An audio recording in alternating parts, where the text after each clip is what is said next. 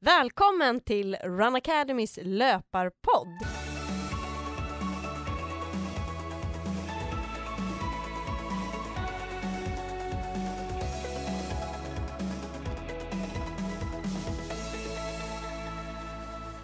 Det här är podden för alla er som gillar löpning. Och i dagens avsnitt så kommer jag, Petra Kindlund, tillsammans med snabba elitlöparen Johanna Bäcklund att fokusera lite extra på gener och hur kan det skilja så mycket mellan olika personer och mellan kvinnor och män? Vad gör skillnaden? Så vi kommer faktiskt ringa upp här nu Mikael Mattsson och eh, Mikael han är forskare eh, dels på Karolinska institutet och, eh, GIH, och undervisar också en del på GIH. Eh, men också just nu är han i USA och eh, forskar där på Stanford University. Så Johanna, vad, hur, är du taggad för avsnittet? Ja, väldigt. Jag har väldigt många funderingar och frågor eh, så att det här kommer att bli superintressant att få prata med Mikael. Och man vet ju att med forskning så är det ju inga klara exakta svar utan det är lite mer eh, om och men. Men eh, ska, vi får se vad han har att säga om allting. Det blir spännande. Ska vi ringa upp han? Ja, vi gör det. Hejsan Mikael! Hallå, hallå! Hello! Här är Petra från Run Academy. Och, Johanna.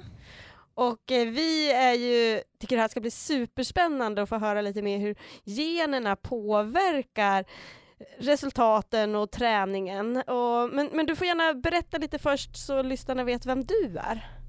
Jag heter Mikael Mattsson, eh, är idrottsfysiolog, jobbar med i gränslandet kan man säga mellan fysiologi, genetik, teknologi, datavetenskap och, och hur det påverkar prestation och, och, prestation oavsett om du ska bli riktigt, riktigt bra eller om du ska göra din bästa mil eller om du bara ska, bara, bara, men ska träna för din hälsa. Spännande. Eh, den första funderingen som vi har är, och är lite intresserade av är varför vissa svarar bättre på träning än andra. Vad skulle du säga där? Det, det, korta svaret är att vi är födda med olika förutsättningar så att generna påverkar hur bra det kommer gå. Eh, när man gör studier och tittar på vilka som svarar bra eller inte så får man komma ihåg att det oftast, eller alltid ska vi säga, är helhetsperspektiv. Alltså vad gör du alla andra timmar på dygnet förutom de, de timmarna du har träningen. Det vill säga man får räkna in hur bra du har sovit och hur bra du har ätit. Och hur mycket du har stressat och allting annat runt omkring också som påverkar tillsammans hur bra du kommer att svara på träning. Men eh, kan man säga hur stor betydelse generna har? Det beror lite på hur man räknar. Eh, och tittar man på såna tvillingstudier. Det vill säga du har ett tvillingpar och så tittar man på hur bra det tvillingparet svarar på träning jämfört med ett annat tvillingpar till exempel. Så brukar man komma fram till att någonstans mellan 40 och 60 procent av konditionssvaret beror på gener. Eh, och på styrka eller liknande så är det beroende på hur man gjort jättestor spridning på hur mycket som beror på generna. Det här misstolkas ibland som att det är 50% miljö och 50% gener. Men ur ett liksom vanliga människor som ska träna perspektiv så zoomar man ut så är nog storleksordningen 80%. De där, de där 50 som vi pratar om mellan gener och miljö, det kanske är 10% var. Och sen 80% det överlägset största är effort. Eller hur mycket tid du lägger på det, hur mycket du faktiskt gör. Om du gör din träning eller inte har överlägset störst effekt. Ja, men det, är ju, det är ju skönt att höra att det finns hopp även om man kanske inte har de genetiska förutsättningarna så att säga. Då. Mm. Vad skulle man kunna säga att, att liksom gör att vissa då är bättre på att springa längre och vissa är bättre på att springa kortare? Om det ändå är mest träning som spelar roll. Ja, och när jag sa 80% så är det kanske mest mot konditionsträningshållet. Och att sprint till exempel, explosivitet, snabbhet, sprint. Det är mer bestämt av genetiska förutsättningar. Du kan inte förbättra det lika mycket som du kan förbättra konditionsförmågan. Och, och skillnaden då mellan människor är om vi tänker oss att vi har två personer som har exakt, de är i samma miljö, det är samma, samma förutsättningar på, på luft och vatten och, och temperatur och allting. Eh, samma förutsättningar på vilken kost och vilken sömn eh, som de får. Och de genomför samma träningar så kommer det fortfarande att vara skillnad. Och den skillnaden är till väldigt stor utsträckning gener. Alltså vi är födda med olika förutsättningar. Och där kan vi dela upp det på Dels har vi olika förutsättningar på hur bra vi kan bli på snabbhet. Eh, hur snabbt vi kan bygga muskler eller vad, vad styrkeförbättring. Och hur bra vi kan bli på, på konditions... Alla aspekter av kondition. Och det är även olika, skill alltså, olika effekter på olika typer av konditionsträning. Så några av oss kommer att vara bättre på att svara på mycket volym, många kilometer om vi är på löpning. Och några av oss kommer att vara bättre att svara på, på högintensiv träning. Uh, några kommer svara på vilken träning som helst. Några kommer inte att svara på någon träning alls. Och De förändringarna, om vi tar bort alla andra skillnader, är genetik helt enkelt. Orättvist, men så är det. Men, men hur ska man veta vad för typ av träning som man svarar bäst på? dagsläget finns det inga bra enkla tester man kan göra. Eh, de, de gentester till exempel som finns att köpa på apotek eller liknande. De, de kan inte förklara alls någon större andel av, av eh, genetiska skillnader till exempel. Men det är om vi går på sprint till exempel så det är inga svårigheter egentligen att titta på Titta på vilket barn som helst och se om de är snabba eller inte. Om de svarar på, på träning eh, snabbt eller inte. Så sprinter är återigen lite enklare att se. Och på konditionssidan så är nog det vi har tillgång till i dagsläget är möjligen beräkningsmodeller. Alltså genomföra olika typer av träning och se hur mycket bättre blev det av den typen av, av just den typen av träning. Och sen så anpassa din träning utifrån det. Det är ett ganska bökigt system och kräver mycket, mycket beräkningar och så. Men det är det som finns i dagsläget och även det är ganska nytt. Men om man vill ha, alltså om man vill ha den bästa, alltså man tänker så här, ah, många tänker ju, ja men eh, de har inte tiden att testa om de svarar bra på volym eller testa om de svarar bra på högintensiv träning. Men om man är motionär och kanske mest har sprungit i samma tempo och samma runda hela tiden, vad skulle du då säga att är det bästa eh, bästa träningen att lägga in? Ska de då öka på och springa ett pass till i veckan eller är det generellt bättre att springa något mer högintensivt? Så det första steget är tillbaka till de där överlägset största delen beror på om du faktiskt gör träningen eller inte. Och första steget efter det kan man ju säga är att genomföra träning som är, som är smart ur ett eh, träningslärarperspektiv. Det vill säga, gör du samma pass hela tiden varje gång, då kommer det att bli sämre effekt för dig jämfört med om du skulle göra varierad träning och, och kanske ta hjälp av en tränare och se till att det är bättre upplägg på träningen. Och tredje nivån kan man säga att mer blir bättre. Så att om du vill bli bättre så det överlägset enklaste sättet är att lägga till ett pass till egentligen oavsett då om det är ett långt pass eller ett högintensivt pass. Det finns en skillnad på nyanserna där. att Om du tränar någon eller om du tränar eh, 10 pass i veckan. Då kan du inte, eller bör inte, försöka göra allting i varje pass. Utan det är smartare att ha renodlade pass. Så att du har två eller kanske tre högintensiva pass och sen så har du några, något tröskelpass och sen så har du något eller fyller på med resten som är, som är lågintensivt. Medan om du bara gör två pass i veckan så är det så långt emellan passen så du kan slänga in allting på alla pass. Eh, det vill säga så hårt som möjligt och se till att du blir så trött som möjligt och bara köra så, så mycket som möjligt helt enkelt. För att du kan fortfarande vila i två, tre dagar till nästa pass. Vilket inte blir fallet om du har 10 pass i veckan. Lite lång utläggning där men, men eh, det, det krånglar inte till det i början kan man säga. Eh, men samtidigt ha med att du kan faktiskt ge, lägga tid på träning, genomföra massa träning och inte bli bättre av det. Och då är rådet att slå inte huvudet i väggen. Fortsätt inte att springa på exakt samma sätt, gör exakt samma sak. Det finns ingen det finns ingen anledning att tro att det ska ändra sig bara för att du fortsätter med det.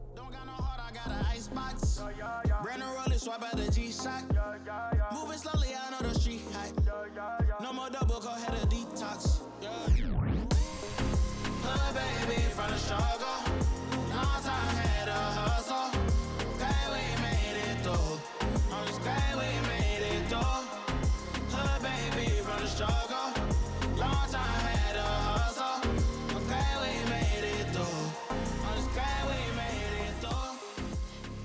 Jag funderar lite på de här som du berättade om som, som inte svarar på träning överhuvudtaget.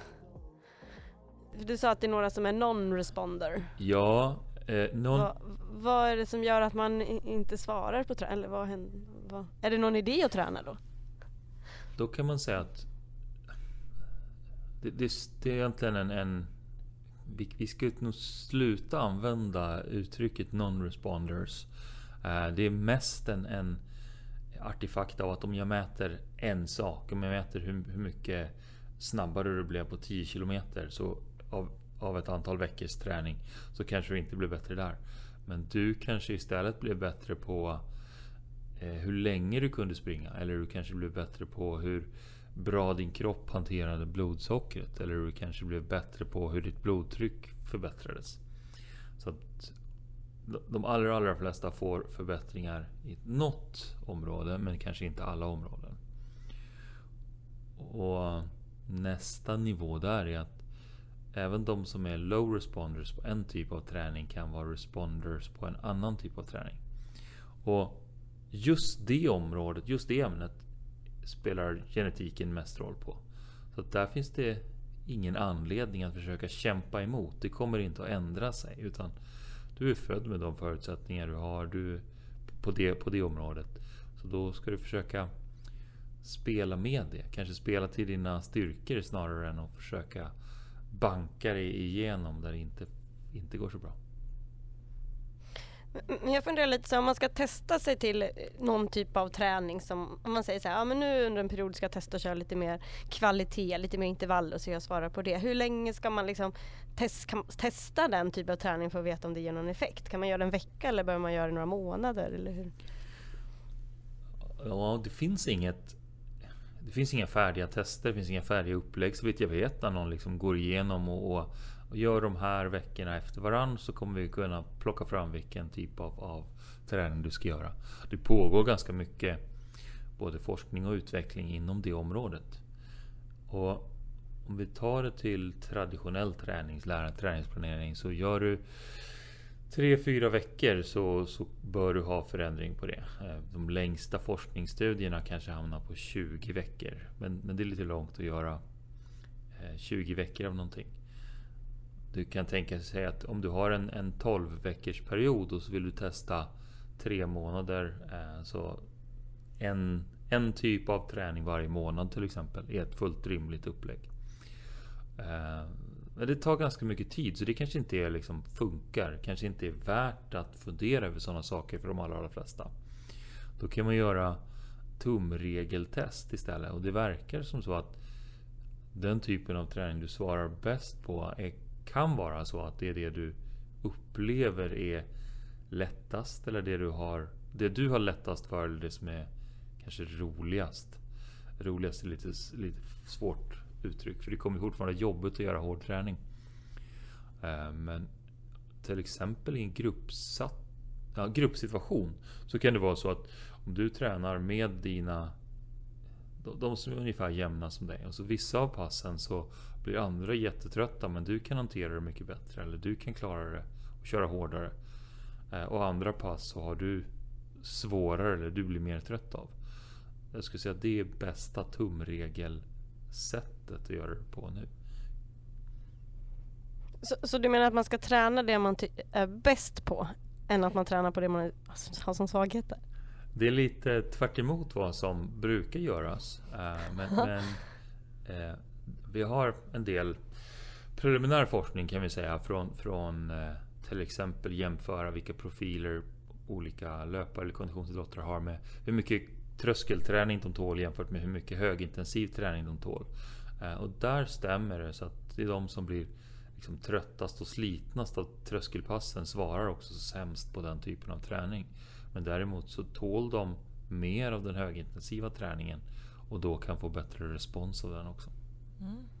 Det är intressant för det är ju ofta så att pass som man känner, alltså om jag tänker på min egen träning, de pass som jag känner att men det här är något som, som jag är bra på, de går, alltså i slutändan går ju de oftast bättre också för att man har en mental fördel när man går in i ett sånt pass. Kan det spela in också? Definitivt. Och det, det är dubbla, det finns många nivåer där. Eh, och fr framförallt så är det så att ju mer stressad du är eh, och då upplevelsen av stress, upplevelsen av hur belastad du är, så kommer du att få sämre träningseffekt av de situationer eller de pass, de dagar där du är mer stressad. Mm. Och det mm. Stämmer ju med det du säger att om du är glad och nöjd och gillar passet och tror att det ska bli bra så har det större chans att du, du har rätt eh, hormonell profil för att svara bra på träningen också. Mm. Ja. Intressant också det här med att, att stress påverkar träningen. Hur, mycket, liksom, hur stor påverkan har det? Om man tänker så här, stress mellan träningarna ja, i vardagen. Det finns inte jättebra Eh, forskningsstudier på, på att kvantifiera och ange liksom hur många procent skillnad det blir. Eh, det finns bra gjorda på hur snabb återhämtning man får efter. Eh, på, på ganska tydliga, till exempel styrke, hur snabbt din styrka kommer tillbaka eller hur snabbt din hopphöjd kommer tillbaka. Och då återigen är det beroende på hur mycket stress du upplever att du har. Inte hur mycket stress du har i någon form av objektivt mått av hur mycket du har att göra eller så. Så att där är det tydligt att det går långsammare att återhämta sig. Därför långsammare att få, få träningseffekten bygga upp igen. Eh, om du upplever en stress. Intressant, för det, är rätt, det kan man ju ändå styra lite mer liksom, den upplevda stressen. Om man, om man, man har mycket och så kanske man strukturerar upp sig lite mer. Så kan man ja. ju ha, känna att man har mer på kontroll, att det då kan påverka ens, ens träning också. Mm. Men det har man ju märkt, alltså så fort man har är stressad eller något som eh, man tycker är jobbigt så blir ju träningen också, man har ju svårare att svara bra på träningen och göra tuffa pass om man inte är med mentalt. Så det är ju, alltså stressnivån påverkar ju, har man stressigt så är det svårare att prestera. Absolut, och då lite cirkel här, gå, gå hela varvet runt och då kan man säga att mm. den personligheten hur du reagerar på belastning och hur du hanterar det. Eh, hur du, hur du hanterar stress. Har ju också en genetisk komponent. Så att hur du är lagd, vilken personlighet du har ur ett genetiskt perspektiv kommer påverka hur, hur du kan hantera träning på det sättet också. Mm. Jag tänkte, eh, om man tänker på det där som du sa att eh, de genetiska förutsättningarna har större betydelse för till exempel en sprinter än för en, en som springer längre distanser. Om det är så då, hur, hur kan en sprinter då träna sig att bli bra på ett maraton? Om man har liksom, är en typisk sprinter. Det beror helt på vad, vad gränsen för bra går. Eh, om vi tänker oss samma personer som slår världsrekord på maraton kommer inte att vara de som slår världsrekord på 100 meter. Nej, skulle det kunna vara tvärtom då? De som slår världsrekord på 100 meter, skulle de kunna göra Alltså ja, men, eh, kvala till eh, VM eller göra bra ifrån sig på ett VM eh, i maraton? Ja, då ska jag vara tydlig med att det finns ingen som, vad jag vet, som har testat det och ingen som har gått från så långa, från, från lång till sprint. Eh, och de, de personerna som blir världsrekord, världslöpare på någon distans kommer såklart att kunna bli rimligt bra på den andra distansen eh, med, med träning. Eh, bara en sån sak som att de som, som springer maraton på två timmar så är snitttiden 68 sekunder per 400 meter. Det är inte jättemånga som klarar att springa 68 sekunder på 400 meter överhuvudtaget.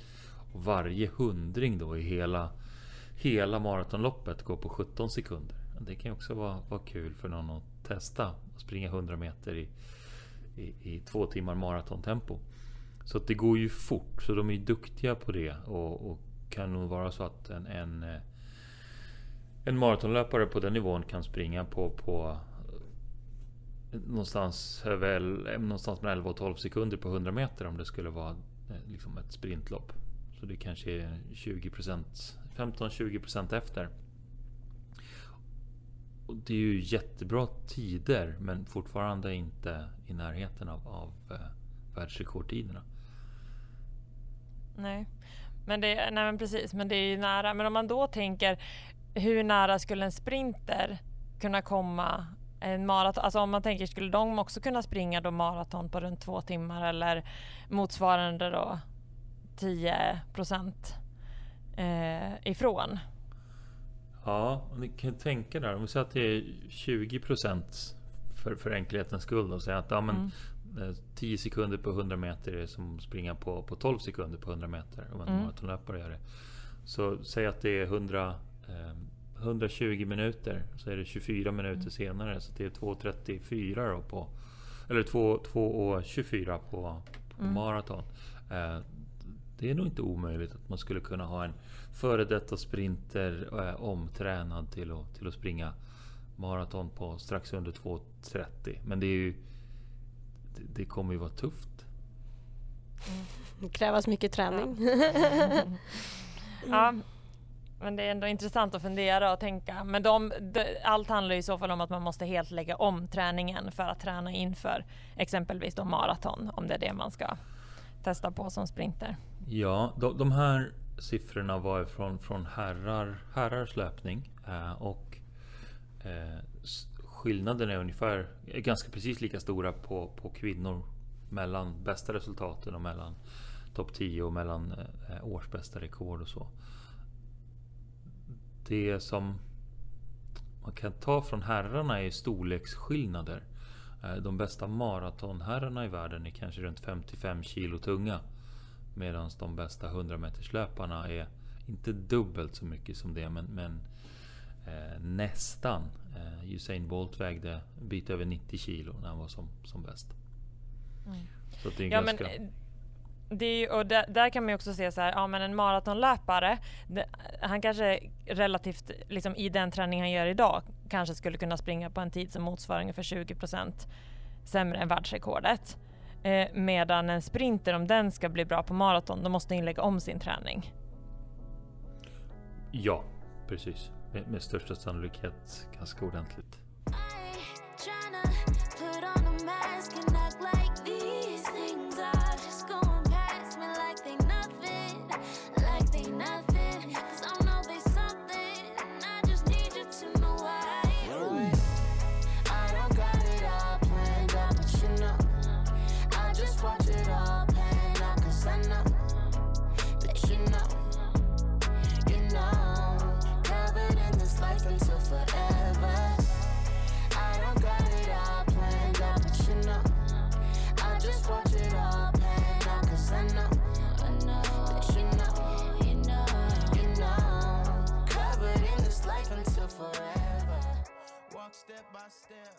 Ja, men då kommer vi in lite också på så här, du sa ju att det inte skiljer så mycket mellan kvinnor och män där. Men vad, eh, om man då skulle säga mer så här specifikt, eh, skiljer sig träning mellan kvinnor och män? Träningsprinciper grundläggande är samma. Eh, timing emot hormonella skillnader bör eh, anpassas för, för kvinnor. Eh, Eftersom man tänker på, på män, för män, så ligger hormonnivåer jämnt på, på, på, motsvarande nivå för en individ över hela månaden. Medan uppbyggande hormoner, nedbrytande hormoner, eh, anabola, katabola hormoner för kvinnor skiljer sig under cykeln. Så att det finns en rimlighet i att ha belastningsmodeller baserat på menstruationscykel snarare än på, på någon annan tidsaspekt. Mm. Kan man se någonting var i menscykeln som man eh, Alltså många, eh, eh, jag har fått flera som har sagt att man får hög puls till exempel och inte kan prestera på samma nivå när man är på ett visst ställe i menscykeln. Kan man se någonstans här var i menscykeln man kanske har jobbigare med träningen? Eller är det olika för olika personer? Ja, vad bra att du, du la till tillägget där. Det verkar på den, det som finns hittills forskningsmässigt och det vi ser på, på resultat också. Eh, både på, på löpning och andra, andra sporter, simning till exempel. Så prestationsmässigt så finns det vissa kvinnor som har ungefär ungefär till exakt samma prestation vilken dag som helst i cykeln som, som ett lopp går. Medan andra kan ha ganska stor variation beroende på vilken dag i cykeln. Till exempel vi har... Det, det kan vara sådana stora skillnader så det handlar om från att gå från åka ut i kval till ett OS till att komma till en OS-final. Beroende på vilken Oj. dag i cykeln. Ja, det är, enorm, det är väldigt stora skillnader.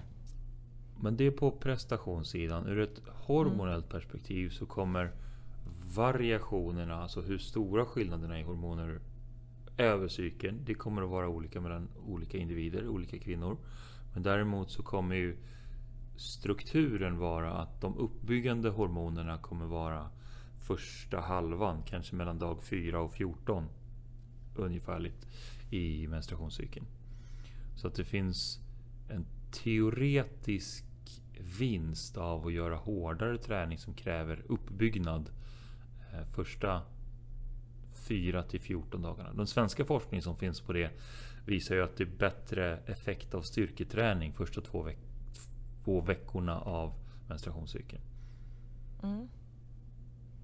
Så då ska man träna extra mycket styrka första två veckorna i menstruationscykeln och tuffare träning och sen ta det lite lugnare de andra. Men med passusen att det verkar som att det är större individuella skillnader än de generella skillnaderna. Ja, ja men det märker, alltså, så är det ju. Alla kvinnor har ju olika hur de påverkas av mensen och hur de påverkas av prestation. Så att det, men det är intressant att ha med och veta att det finns. Att det kan påverka och att det då kan vara nyttigt att tänka på det om man vill prestera. Mm. Jag funderar lite på så här om man har eh, en, en, en gubbe som, ja, men, ja, men, som, man, som man hänger med men som uh, tränar mycket, mycket mindre men ändå så springer han ifrån en. Alltså det är ju ganska vanligt. Vad är det som gör liksom Alltså vi är ju olika kvinnor och män men vad är det som, är det muskelmängden som gör att män presterar bättre än kvinnor eller vad är det den fysiologiska skillnaden? Den största fysiologiska skillnaden är eller grundskillnaden är hormonella nivåer. Så nivån av uppbyggande hormoner, eh, testosteron, tillväxthormon som, som prio. Eh, det ger bland annat en effekt att män kommer att ha högre koncentrationer av röda blodkroppar. För att testosteronet stimulerar tillväxt av röda blodkroppar. Och då har män, på grund av det, en högre förmåga för blodet att bära med sig syre och får högre syreupptagningsförmåga.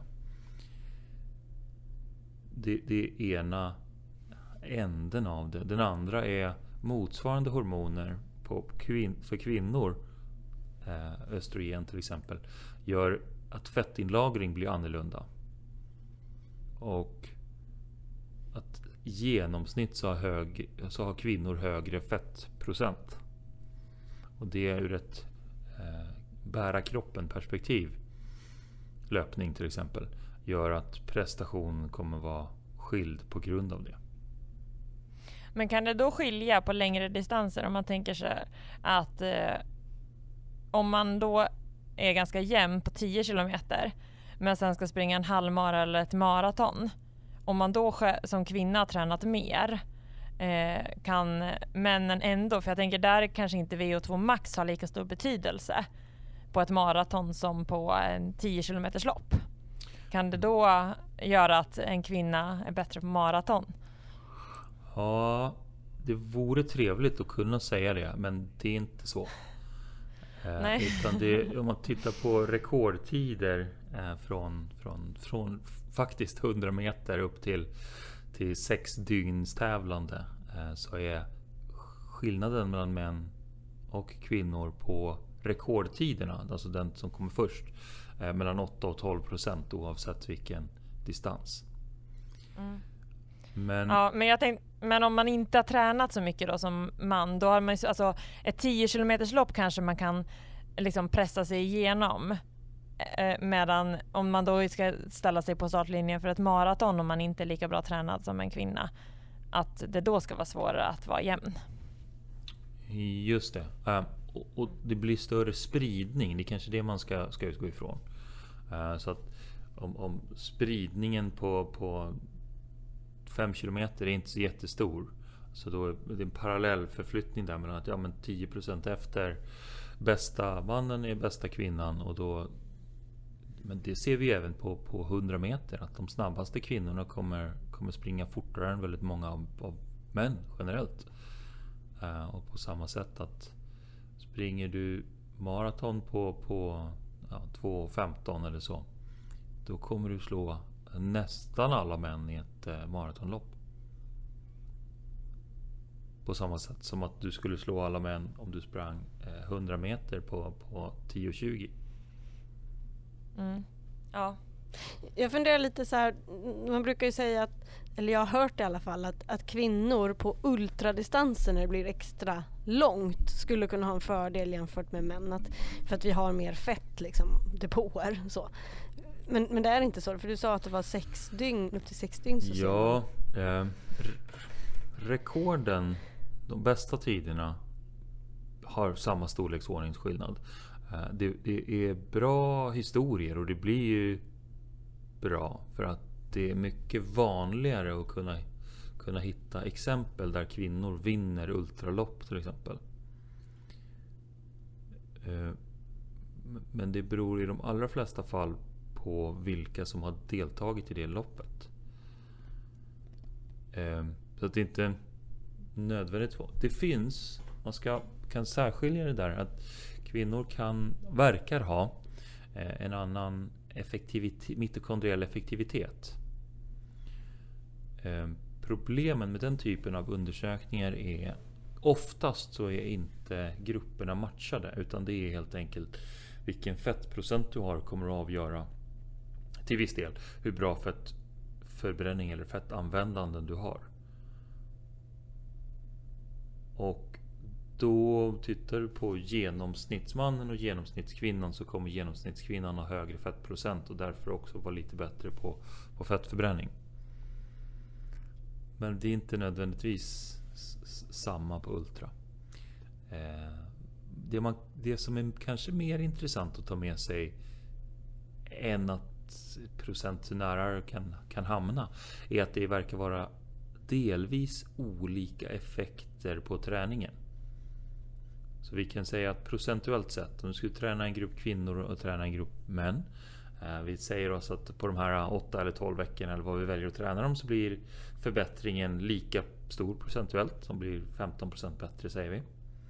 Så är förbättringen på männens sida ur ett konditionsträningsperspektiv till större del beroende på förbättring av hjärtats pumpförmåga och mängden blod och centrala parametrar. Medan i större utsträckning eh, lokala parametrar, så mitokondrier och, och arbetseffektivitet för kvinnor. I de väldigt få, två studier tror jag det finns på området eh, totalt fortfarande. Mm, men det är intressant. Eh, men då om jag tänker så här. Eh, vi har ju pratat lite skillnader om kvinnor och män eh, och att vi mycket handlar om individanpassat. Vad skulle du då säga om så här generella träningsprogram för all, alltså som inte är individbaserade? Hur bra fungerar de? Eftersom den överlägset största delen är gör du träningen eller inte? Eh, och kanske första nivån av, av eh, principer för träning och träningsplanering. Som att inte, inte köra på för hårt för bör, från början, ha en progression i, i, i träningsbelastning med, med veckor och prestationsförändring. De delarna kommer att vara samma för alla. Det skiljer liksom ingenting. Så därför om du får ett 12 veckors träningsprogram fram till halvmaraton. Om startpunkten är satt på, på den nivån du är på nu och målpunkten är satt på hur fort du hoppas kunna göra det. Och du har kunnat angivit hur många träningspass du vill göra i veckan. Så länge allting funkar som det ska och du svarar någorlunda eh, som, som genomsnittet så funkar det bra.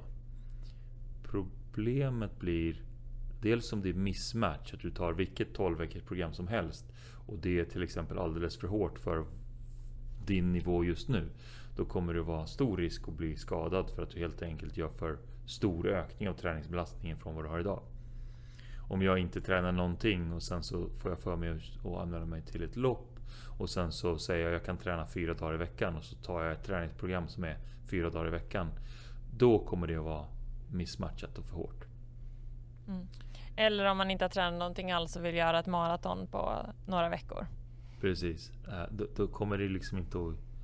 Men, men å andra sidan, ska vi vara, vara eh, positiva, eller jag vet inte. Där så kan vi säga att det skulle inte hjälpa med ett individanpassat program heller om du har för lite tid på dig till att, till att förbereda dig. Nej.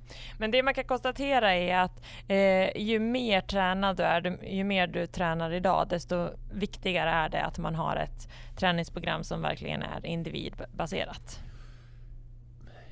Jag vet inte om jag skulle vilja säga så. Det är klart att vill, vill, ju mer noggrannhet du vill ha, ju större eh, exakthet du vill ha, desto viktigare. Men det kan vara så att det är kanske ännu viktigare för någon som inte har kunskapen sedan tidigare och få hjälp mer och få hjälp att guidas in i vad som spelar roll. Kanske kan vara så att någon som ska börja träna eh, skulle ha större nytta av att få individanpassning för vad, vad just den här personen ska göra just idag. Medan någon som har en del kompetens, del kunskap med sig sedan tidigare kan göra justeringar själv utifrån ett grundträningsprogram. Mm. Ja, mm, så kan det Det finns aldrig några enkla svar. Jag ber om ursäkt, det blir sällan raka enkla. Exakt, men det är det som är det viktiga. Alltså det är det som är det intressanta också, att det inte är så, utan det finns ju många bitar av allting. Yeah. Ride around by myself, mm, be fine by myself. Mm, I don't need no one help, mm, I don't need no one else. Mm, build it by myself, mm, bourbon from top shelf. Yeah, I don't need no one, I don't need no one. Mm, uh, ride around by myself, mm, be fine by myself. Mm, I don't need no one help, mm, I don't need no one else. Mm, build it by myself, mm, bourbon from top shelf. Yeah, I don't even, no, no, mm. Eh, men vad skulle du då säga att det största felet många motionärer gör i sin träning? Det vanligaste felet om vi tänker från ett prestationsförbättringsperspektiv. Det kan funka alldeles utmärkt ur ett hälsoperspektiv och därför jag tvekade lite grann där. Men ur ett prestationsförbättringsperspektiv är att det är samma träning som görs vecka efter vecka. Eh, samma, samma runda körs i ungefär samma hastighet Eh, två gånger i veckan. Och Det finns det till och med data på nu från, från eh, Strava-mätningar. Där de, de som har, har, tillgång till datan, de tänkte sig att när folk blir bättre och bättre så kommer de att köra fortare och fortare eller köra längre eller hårdare pass. Det som hände när folk tränade mer var i störst utsträckning att de bara la, la till ett pass till av exakt samma sak som de redan hade gjort innan per vecka. Så det är nog det vanligaste felet. Att det är för, för samma hela tiden. Samma eh, tempo, samma typ av pass, samma distanser. För lite variation helt enkelt. Mm. Så att det hjälper inte att om man kör två pass i veckan på samma tempo, samma runda, eh, så hjälper det inte att lägga, lägga in ett tredje pass på samma tempo, samma runda. Alltså man Då- ökar ju volymen då tänker jag. Precis, så, så du blir bättre. eh, Men, Mm. men eh, om man ska utgå ifrån någon form av optimeringsperspektiv. Att hur mycket bättre kan du bli på dina tre eller fyra timmar du ska satsa på, på träningen den här veckan? Eh, Är tre gånger 1,20 det bästa du kan göra med det? Och helt, håller helt med om att det är bättre att köra tre pass än att köra två pass då. Men där kommer ju en intressant, eh, alltså det finns ju mycket nu när man kör ultra, att man ska springa i typ samma fart på alla pass och springa ganska mycket, alltså så här, ja men många så här, träningsprogram som är att du ska försöka hålla samma fart och springa typ eh, samma längd på ganska många pass. Eh, hur, hur är det? Om Man tänker för att bli bra på ultra, är det är det, det bästa att man, för där behöver du kanske inte ha men om du ska bli riktigt bra på ultra så går ju det väldigt fort. Eh, även för dem som är på världsnivå. Just det. Och det här är ju en nyanserad och intressant fråga som, som blir återigen ett här, inte ett rakt svar utan lite klurigare då. Eh, för att det finns en vinst med att optimera för den hastighet du ska tävla på. Och det gäller oavsett om du ska springa 1500 meter eller om du ska springa milen eller maraton eller ultra. Det som händer med Ultra är just det att det är så liksom, det är långsammare hastighet än många träningspassen.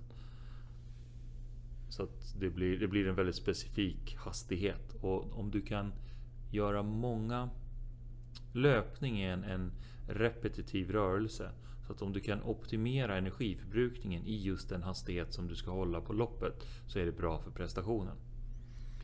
Det finns till exempel ja, maratonträningsskolor, eh, vanligt i Spanien.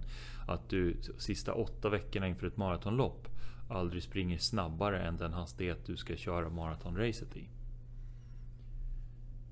Så vi ska särskilja det mot att optimera rörelseekonomi på, på precis tävlingsintensiteten från att bygga funktion eller eh, förmåga generellt. Och då kan det vara så att sista åtta veckorna inför ultrat eller inför maratonloppet så är det en större procent av träningen som ska göras i, i tävlingshastighet. Medan om du ska ta nästa steg och gå närmare mot världseliten och kunna förbättra din tävlingshastighet. Eh, 10% till nästa år säger vi. Då är det annan typ av träning och varierad träning som gör att du gör de förbättringarna. Och det som också är tydligt är att mer variation gör att du tål mer träning. Utan att bli skadad. Och det kan vara variation i hastighet, det kan vara variation i distanser, det kan vara vari variation i vilket underlag du springer på. Och att du därför då har möjlighet att lägga till mer träning om du är på högre nivå och tåla den och därför bli bättre av det. Men så då, eh, en ultralöpare kan ändå vinna på att inte alltid springa i samma hastighet. Utan ibland springa i kanske lite mer överfart också. Även om man när det börjar bli mer så här sista veckorna att det kan vara mer värt att verkligen springa i den hastighet man har tänkt. Definitivt. Intressant. Det var ett rakt svar för en gångs skull. Ja exakt. eh, Finns det någon typ av träningsform som du skulle säga ger bäst träningseffekt? Mer och hårdare. Mer och hårdare. Så man ska både, oftast är kanske inte det en bra kombination att både öka och träna mer volym och att köra hårdare pass. Det brukar inte hålla så länge då. Så vad ska Nej. man prioritera? Mer Nej, precis. eller hårdare?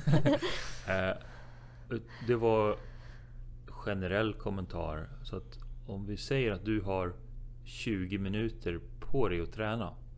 Eh, du har två gånger 20 minuter på dig att träna i veckan. Det är det du har avsatt för din träningstid. Då är det smartare att göra de 20 minuters passen så hårdare det bara går. För det finns så mycket tid att vila emellan. Så därför får du bättre effekt Även om du ska köra... Nu nu ska vi säga så här, vi ska vara, ha, ha en brasklapp där att om du tror att du ska springa Ultra så behöver du nog träna mer än 2 gånger 20 minuter i veckan. Men mm. eh, om vi antar det så är det bättre effekt för dig att köra de där 20 minuterna hårdare än att göra det i din, din eh, ultrahastighet. Och sen finns det någon gräns där du kan träna, bara du tränar mer så blir det bättre. Och den kanske den hamnar någonstans i balans med hur mycket du kan återhämta dig och hur mycket du kan sova. Och fram till den gränsen så är det, så är det nog så att ja, men det, bara det är mer, bara det är hårdare så blir det bättre. Och sen Petra, det du var inne på där att det finns en gräns när du inte kan bättre öka på båda samtidigt. Inte båda intensiteten och, in, och eh, volymen samtidigt. Och då är det mest tidseffektivt med att höja intensiteten. Och, men det är vissa personer så passar det bättre med att höja volymen och hålla nere intensiteten. Och det viktiga att tänka på är totalbelastningen. Och totalbelastningen då tar hänsyn till hur många, hur fort och hur mycket och hur livet runt omkring ser ut. Mm. Ja, det är många parametrar som spelar in. Det är inte bara det man gör på träningen utan allt runt om som man behöver få till. Ja, vi har ju varit inne på det några gånger, både med, med sömn och kost och stressnivåer och hur du har tålt, tålt träningen sedan tidigare. Hur mycket rehab du behöver göra med gamla skador till exempel om vi är på, på den nivån. Mm. Eh, jag är lite nyfiken att höra om framtiden för du forskar ju en del på, på gener och, och, och träning. Tror du att man i framtiden kommer kunna ta ut gener och säga att det är de här, om du får de här generna så kommer du bli bättre på att springa långt? Ja, det, det kan man nog säga. Det är inte så långt bort. Eh, och kanske inte byta ut utan de, de i de allra flesta fall så har vi lika gener allihopa och så har vi lite olika varianter av respektive gen. Det som går att göra nu är att slå på och stänga av gener. Generna själva är ju ritningen. Eh, man kan, jag tror att man kan, man kan jämföra det med att titta på ritningen på ett hus och sen så titta på hur huset ser ut på riktigt. Det är som skillnaden mellan gener och hur du funkar. Så det är några steg emellan där. Eh, kanske inte se på ritningen vilken färg det blir på huset. Eh, och det går inte att se bara på genprofilen på vad som faktiskt kommer ut för dig. Och i det då så, så det, det, går ganska mycket mot det hållet och Nobelpris för, för, för förra året eller året innan eh, på hur du kan både förändra gener, du kan till exempel eh, byta ut ett material så att du kan, i en gen så att du kan byta det till en annan form till exempel. Eller så kan du sätta in några delar som gör att genen inte funkar som den ska och inte producerar det protein som, som det är tänkt att göra. Eh, och alla de sakerna går att göra eh, redan nu.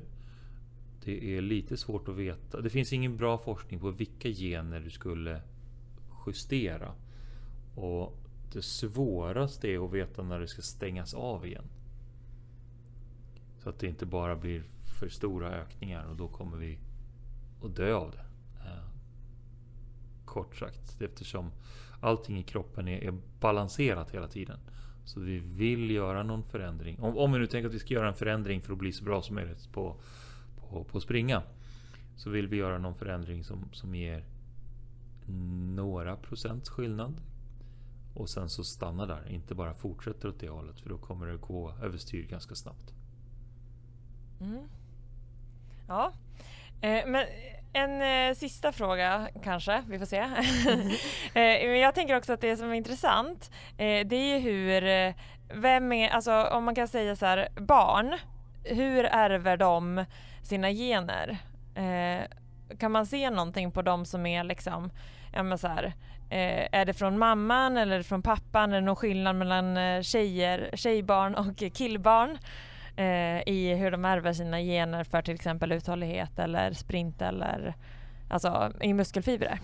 Johanna funderar på vad, vad sina barn har Exakt. bäst förutsättningar barn för. bäst- Nej, jag tycker det är intressant för att eh, eh, min äldsta son spelar fotboll men han, hans st- största styrka är att han aldrig blir trött.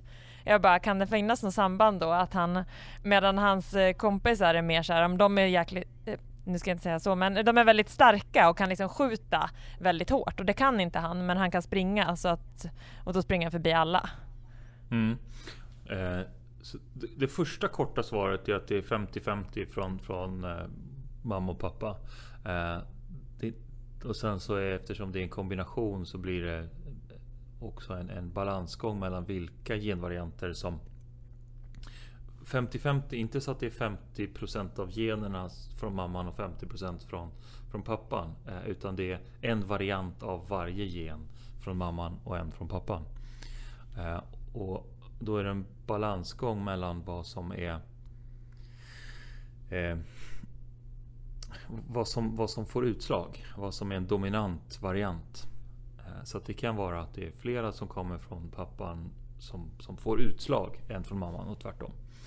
Eh, och sen kan man i, vad, vad en nivå till och titta på att de som kommer från pappan så är 50% av dem i storleksordningen från, från eh, farmor och farfar i det här fallet. Och 50% är från, från mormor respektive morfar för, för kvinnan om man tittar på, på vad barnet får för gener. Så att det är egentligen då 25% från farfar, 25% från farmor, 25% från mormor och 25% från morfar. Eh, som gör att det kan komma ut lite olika. Det som är på konditionssidan är att mitokondrierna, eh, kraftverken i, i musklerna, eh, ärvs från mamman. Så att kondition, vissa delar av kondition ärvs från, från mamman direkt. Men då kan det ju ha ett litet samband då. Ja. jag kan få tro det. att jag har bidragit med något bra. De, definitivt. Uh, lite, lite knögglig utläggning och, och, det funkar lite svårare än så också på vilka gener som används och hur de interagerar med varandra och, och omgivningen. Uh, men att det påverkar är helt givet. Och att det kommer att vara justeringar, eller det kommer att spela roll vad, vad kanske till och med vad, vad mamman och pappan har gjort eh, med sina gener under sin livstid. Eh, epigenetik pratar vi om då och om, om det kan föras vidare till nästa generation. Hur bra du har, har skött ska vi säga, förvaltandet av de generna du har fått. Om det kan för, föras vidare till nästa generation också. Ja, det finns spännande. ganska mycket som tyder på att det, det är så. Men sen hur stor andel och hur mycket det spelar roll är oklart fortfarande. Så du menar att om man tränar mycket under sin livstid så påverkar det generna som man ärver vidare? Eller sprider vidare? Ja. Det är inte gjort på träning i de flesta fall. Utan det kan vara att om du har varit utsatt för miljögifter till exempel. Så kommer den effekten att föras vidare till nästa, nästa generation också. På, på genetisk bas. Lite mer negativt, men vi kan anta då att eftersom det finns bevis för att det är på den negativa sidan. Så att om du har, har skött dig och tränat massor och, och förbättrat på din, din förmåga. Eh, så är det fullt möjligt att det också förs vidare till nästa generation. Mm, spännande! Mm, verkligen. Väldigt mycket spännande som vi har fått med oss här. Mm. Eh, vi, vi börjar väl bli rätt nöjda. Har du några mer frågor, funderingar Johanna? Nej, jag tycker jag, ja, jag har fått svar på det jag funderade på just nu. Sen dyker det alltid upp massa nytt och spännande. Ja, ja, det var intressant samtal med dig Mikael och jättekul att du ville vara med. Kul att prata med er och hoppas att ni fick, fick med er någonting som är användbart och inte bara som är många om och men och kanske. ja, helt ja. klart. Ja. Stort tack ja. Mikael för att du tog dig tid att vara med. Ja, tack så jättemycket. Tack så mycket för idag.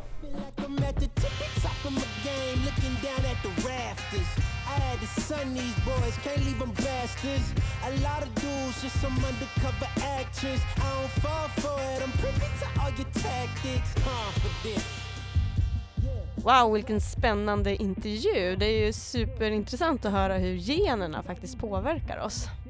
Ja, absolut. Det är intressant att höra och sen tycker jag också att det är intressant att veta, alltså så här, det är ju faktiskt fortfarande träningen, den träning man gör, det är den som har betydelse. Mm. Och det ska man ju komma ihåg. Att tränar du ingenting så spelar det ingen roll vad du har för gener. Ja, exakt, för det är lätt annars att skylla på att ja, men det är ingen idé jag tränar för maraton för jag har ändå inte förutsättningarna för det. Så att, eh, men men det, alla har ju ändå möjligheten att klara ett maraton om man bara lägger och trä, rätt träning på det. Ja. Så jag tycker också att det var intressant det här eh, med att alla, alltså även om man kanske inte svarar på all typ av träning, så har man ju fortfarande hälso, alltså väldigt stora hälsoeffekter av att träna. Eh, och att det finns andra effekter, alltså om man har trä alltså man kanske inte utvecklats på 10 kilometer som man sa, men man kanske har utvecklat andra förmågor genom sin träning, även om man inte exakt har utvecklats på just den distansen. Mm. Ja, det är intressant. Ska vi försöka sammanfatta det här avsnittet med några fem korta tips eller sammanfattningar? Ja, men det tycker jag vi gör. Du får börja. Yes. Ja, men det första, det är att all träning har betydelse. Mm. Det var kort och koncist. uh, och nummer två då, så att uh, för att få den bästa träningen är ju som sagt det som blir av och vill man bli bättre så gäller det att antingen träna mer eller att träna hårdare. Mm. Då kan vi spinna vidare på det där med att träna hårdare. Alltså om du tränar då ett färre antal gånger i veckan så är det bättre att du då tränar lite mer högintensivt, alltså tränar lite hårdare vid de tillfällena, för då har du så pass mycket vila mellan. Mm. Och sen eh, nummer fyra som vi redan varit inne på, att det är inte generna som har störst betydelse utan det är faktiskt den träning som du genomför och som blir av som har störst betydelse. Mm. Och sen nummer fem, det kan man ju sammanfatta med att allt runt omkring också har, alltså om du är stressad till exempel, så påverkar det din träning, hur du sover, hur du äter, hur du har återhämtning, allt sånt har stor betydelse. Eh, och sen en annan eh, bit i det hela också att om man är bra på ett, ett typ av pass så kan det faktiskt vara en fördel att göra de typer av passen för att eh, det är kanske är det man också svarar bäst på i träningen. Mm. Mm. Superbra. Så med det här sagt så vill vi tacka för att ni har lyssnat och önska er stort lycka till i Lapparspåret. Lycka till, kör hårt!